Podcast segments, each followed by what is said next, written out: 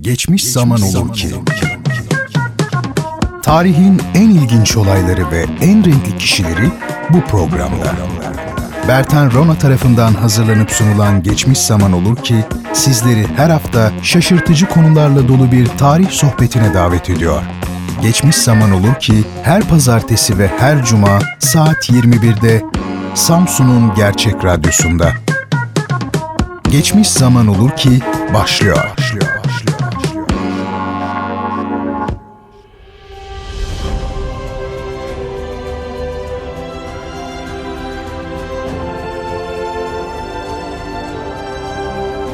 Efendim hepinizi en içten duygularımla selamlıyorum. Geçmiş zaman olur ki programına hoş geldiniz. Bendeniz programı sizler için hazırlayıp sunan Bertan Rona. Bu programda tarihte iz bırakmış önemli, ilginç, bazen açıklanması mümkün olamayacak kadar tuhaf olayları ve yine tarihe yön vermiş olan önemli kişileri, ilgi çekici işler yapmış tuhaf insanları mercek altına yatırıyoruz. Geçmiş zaman olur ki her hafta pazartesi ve cuma akşamları saat 21'de Radyo Gerçek'te dinleyebilirsiniz ve böylelikle gündelik hayatımızın monotonluğundan uzaklaşmak için haftada hiç olmazsa iki akşam kendinizi renkli bir yolculuğa çıkarmış olursunuz. Sevgili dinleyicilerim bu akşam sizlere Osmanlı İmparatorluğu tarihinin ilginç olaylarından birini, hemen hepimizin adını mutlaka bildiği ama detaylarından haberdar olmadığı bir hadiseyi anlatmaya çalışacağım. Bu bir isyan hadisesi. Patrona Halil isyanı. İyi ama bu patrona Halil kimdi?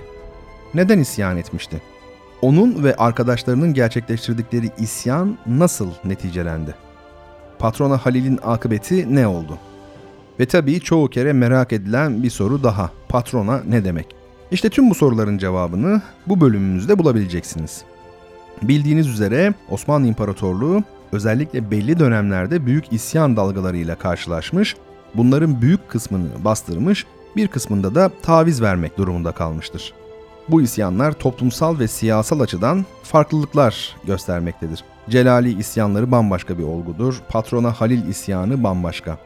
İsyan olarak adlandırılamayacak olsa da Kabalalı Mehmet Ali Paşa'nın başkaldırısı daha başka. Gelin şimdi sözü daha fazla uzatmadan bu akşamki konumuz olan patrona Halil isyanına geçelim. Sevgili dinleyicilerim Viyana bozgunundan sonra kendisini toparlamaya çalışan Osmanlı İmparatorluğu Venedik ve Rusya'yı mağlup etmişse de 1715-1718 savaşlarında Avusturya'ya yenilerek Sırbistan'ın bir bölümünü kaybetmişti. Bürokrat kökenli Sadrazam Nevşehirli İbrahim Paşa, Pasarofça Antlaşması'ndan sonra yaklaşık 35 yıldır süren savaş dönemine son verdi. Sultan 3. Ahmet'in saltanat yıllarının ikinci yarısını kapsayan ve 1718'den 1730'a kadar süren bir barış ve yenileşme dönemi başlattı. Bu dönemde Avrupa kültürünü daha iyi tanımak için elçiler gönderildiği gibi İstanbul'da yeni baştan imar edildi. 1722'den itibaren Boğaziçi ve Sadabat çevresine yeni saraylar inşa edildi. Bu mekanlarda bahçe tanzimi bir sanat haline getirildi. Bu bahçelerde lale yetiştiriciliği ön plana çıktı ve döneme adını verdi. Lale devri mimarların, nakkaşların ve şairlerin önem kazandığı, ilk matbaanın açıldığı, tercüme heyetleri kurularak çeşitli dillerden yapıtların Türkçe'ye kazandırıldığı bir dönem oldu.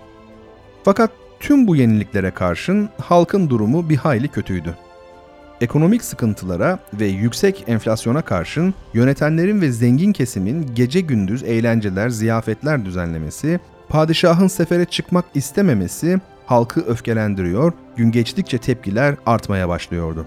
Aslında her şey ufak bir kıvılcıma bakıyordu.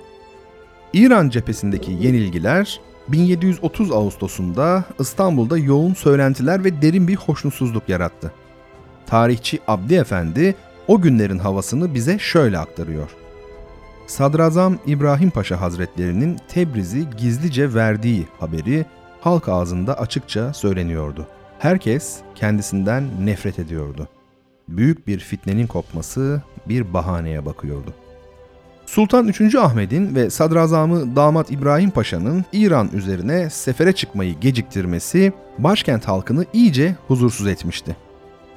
İşte bu koşullar altında bazı devlet adamları kendi durumlarını sağlamlaştırmak için gelişmeleri fırsat bilip bir isyanın altyapısını hazırladılar.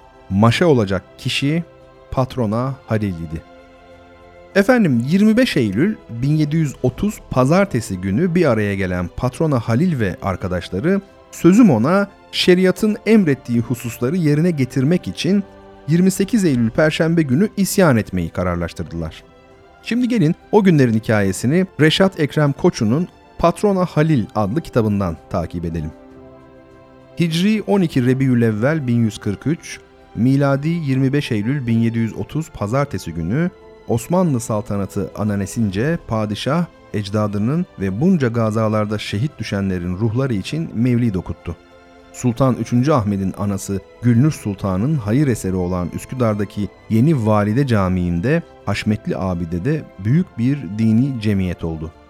Orada Kur'an ve Süleyman Çelebi'nin emsalsiz şiiri okunurken ve huşu içinde dinlenirken Caminin kubbesinde tekbir sesi akislenirken İstanbul'da Çardak iskelesindeki Yeniçeri kahvehanesinde de üç kişi baş başa vermiş fitneyi konuşuyorlardı.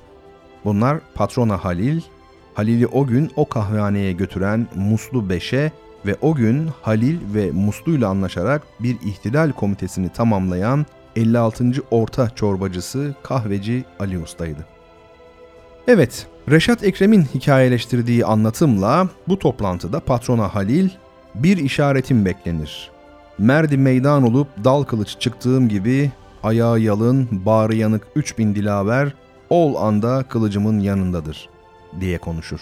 Patronanın kader arkadaşı Muslu Beşe de ondan geri kalmaz. Benim dahi bir işaretimle koşacak 3000 şahbaz yiğit vardır der.'' Sonrasını yine Reşat Ekrem Koçu'dan dinleyelim. Bakalım nasıl anlatmış. Fitne ateşini parlatıp uyandırmak için 28 Eylül Perşembe gününü tayin ettiler. Perşembenin seçilmesinin sebebi o zamanlar Perşembe ile Cuma'nın resmi tatil günleri olmasıydı. Böylelikle ayaklanma karşısında hükümetin harekete geçmesi çok zor olacaktı. Patrona Muslu Beşe ve Ali Usta 26 Eylül Salı günü Muslu Beşe'nin dükkanında buluşurlar.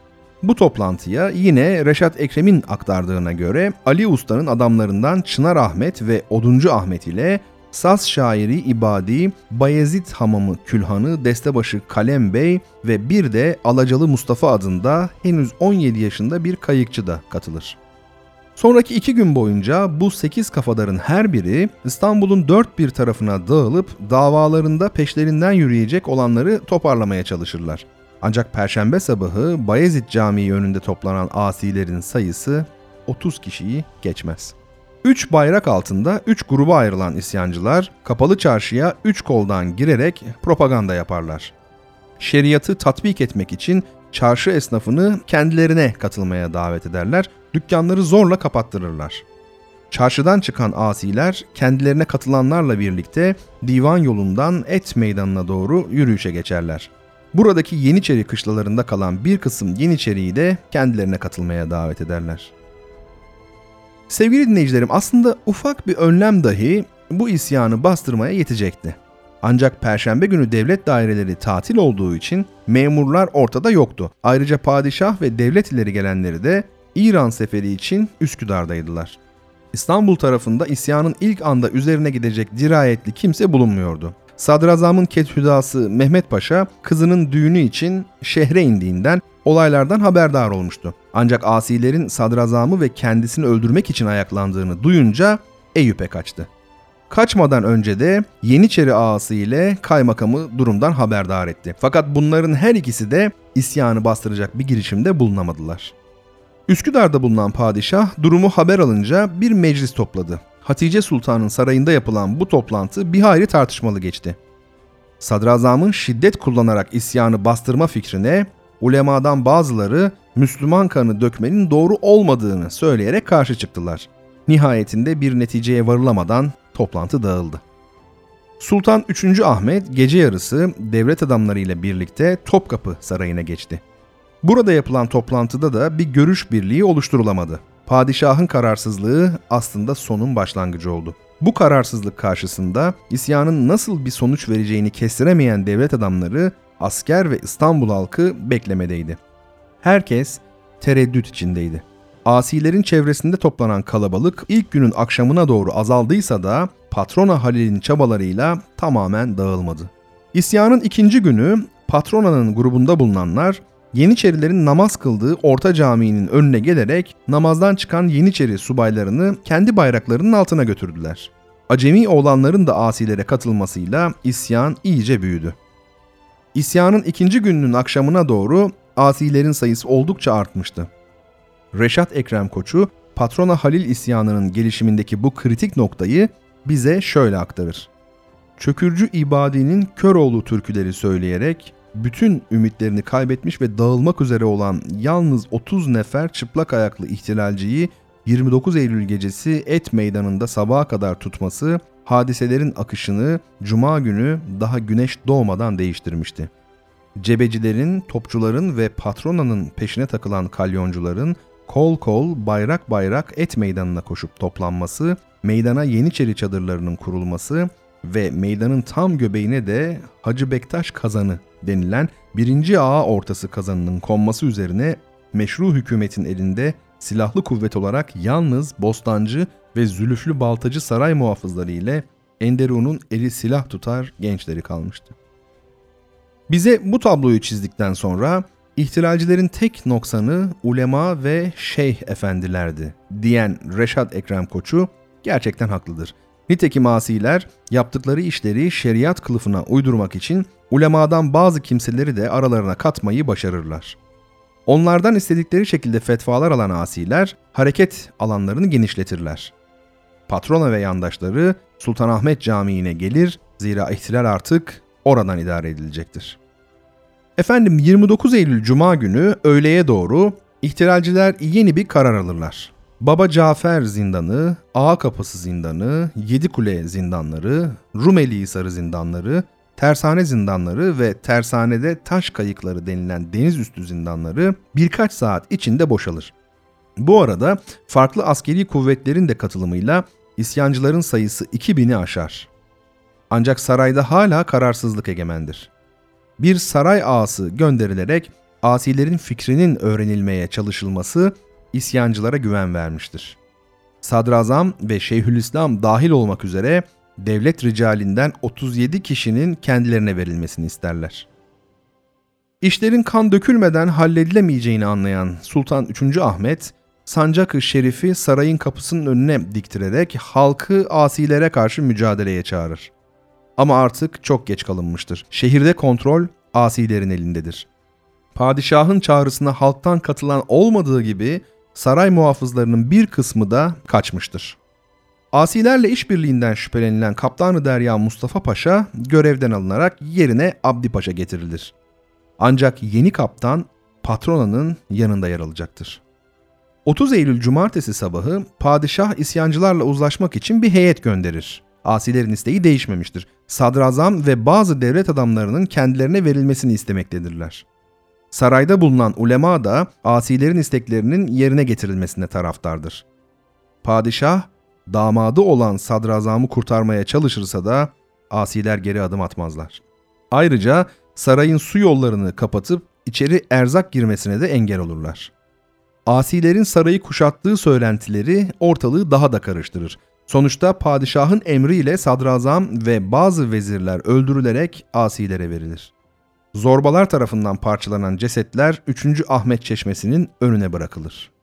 Duruma egemen olan isyancılar aslında 3. Ahmet tahttan indirilmediği sürece kendi sonlarının iyi olmayacağını gayet iyi bilmektedirler. Bu nedenle artık yeni hedef padişahın tahttan indirilmesidir. Pazartesi gecesi saraya gelen Ayasofya vaizi İspirizade Ahmet Efendi, padişahın asilerin niçin dağılmadığı yönündeki sorusuna hükümdarlığının bittiğini, kullarının artık onu istemediklerini söyleyerek cevap verir. Bunun üzerine yerinden kalkan padişah harem dairesine geçerek kendisinden sonra hanedanın en büyüğü olarak tahta oturacak Şehzade Mahmud'un yanına gider. Devlet ricali yeni padişaha biat ederler. 3. Ahmet'in 27 yıllık hükümdarlığı ve Türk batılılaşma hareketinin başlangıcı olarak görülen Lale Devri 3-5 sokak serserisinin başlattığı bir isyanla sona erer. Efendim Osmanlı tarihinin en ilginç sayfalarından birini oluşturan Patrona Halil isyanının öyküsü ana hatlarıyla böyle. İyi ama bu isyanı adını veren Patrona Halil kim? Gelin onu da kısaca tanıyalım. Arnavutluğun Horpeşte adlı kasabasında doğmuş olan Patrona Halil, Osmanlı donanmasında Levent olarak çalışmış ancak askerleri isyana teşvik etmesi üzerine ölümden zorlukla kurtularak gemiciliği bırakmıştır. Patrona sözcüğü Osmanlı donanmasındaki gemilerin ikincisine verilen isimdir. Donanmadaki Kaptanı Derya'nın kullandığı birinci gemiye Kapudane, ikinci gemiye Patrona, üçüncü gemiye ise Riyale denilirdi. Patrona Halil, Patrona gemisinde bir süre Leventlik yaptığı için bu lakapla anılmıştır. Donanmadan ayrıldıktan sonra Niş'e giden Patrona Halil, burada Yeniçeri olmuş, bir süre sessiz kaldıktan sonra Vidin'deki bir ayaklanmanın elebaşılarından birisi olarak tekrar sahneye çıkmıştır. İsyanın bastırılması üzerine Arnavutluğa kaçan Patrona Halil, oradan İstanbul'a gelmiş ve burada seyyar satıcılık, eskicilik ve Bayezid hamamında tellaklık yapmıştır. İsyandan sonra devlet yönetiminde etkili bir konuma gelen Patrona Halil'in saltanatı tabii ki uzun sürmemiştir. Patrona Halil'in ve adamlarının hareketlerinden rahatsızlık duyan Sultan 1. Mahmut, Patrona ve arkadaşlarını isyandan 2 ay sonra 25 Kasım 1730'da bir tertip sonucu öldürmüştür. Evet, Patrona Halil'in hikayesi de kısaca böyle. O yıllar, daha doğrusu o 10 yıllar Osmanlı ve İstanbul tarihinin gerçekten de en renkli dönemleri arasında. Pek çok ilginç olayın aynı yıllarda yaşandığını biliyoruz. Aklıma şimdi geldi. Mesela ünlü divan şairi Nedim'in Patrona Halil isyanını izleyen korku atmosferinde damdan düşerek öldüğü rivayet edilir. Bu sadece bir rivayet tabi. Patrona Halil isyanı ile ilgili olduğu için sizlerle paylaşmak istedim. Sevgili dinleyicilerim, bir geçmiş zaman olur ki'nin daha sonuna gelmiş olduk. Ben Deniz programı sizler için hazırlayıp sunan Bertan Rona. Bu bölümde konumuz Patrona Halil isyanıydı. İsyanı size toplumsaltarih.wordpress.com internet sitesinden yararlanarak anlatmaya çalıştık. Geçmiş zaman olur ki'yi her hafta pazartesi ve cuma akşamları saat 21'de Radyo Gerçek'te dinleyebilirsiniz. Böylelikle tarihin en önemli kişileriyle, en ilginç olayları ile dolu dakikalar geçirmiş olursunuz. Bir sonraki bölümde tekrar bir arada olabilmek dileği ve en içten duygularla.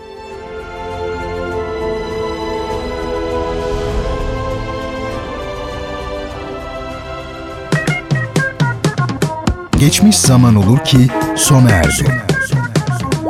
Bu program hakkındaki düşüncelerinizi dinleyen et radyogercek.com adresine mail atarak bize ulaştırabilirsiniz.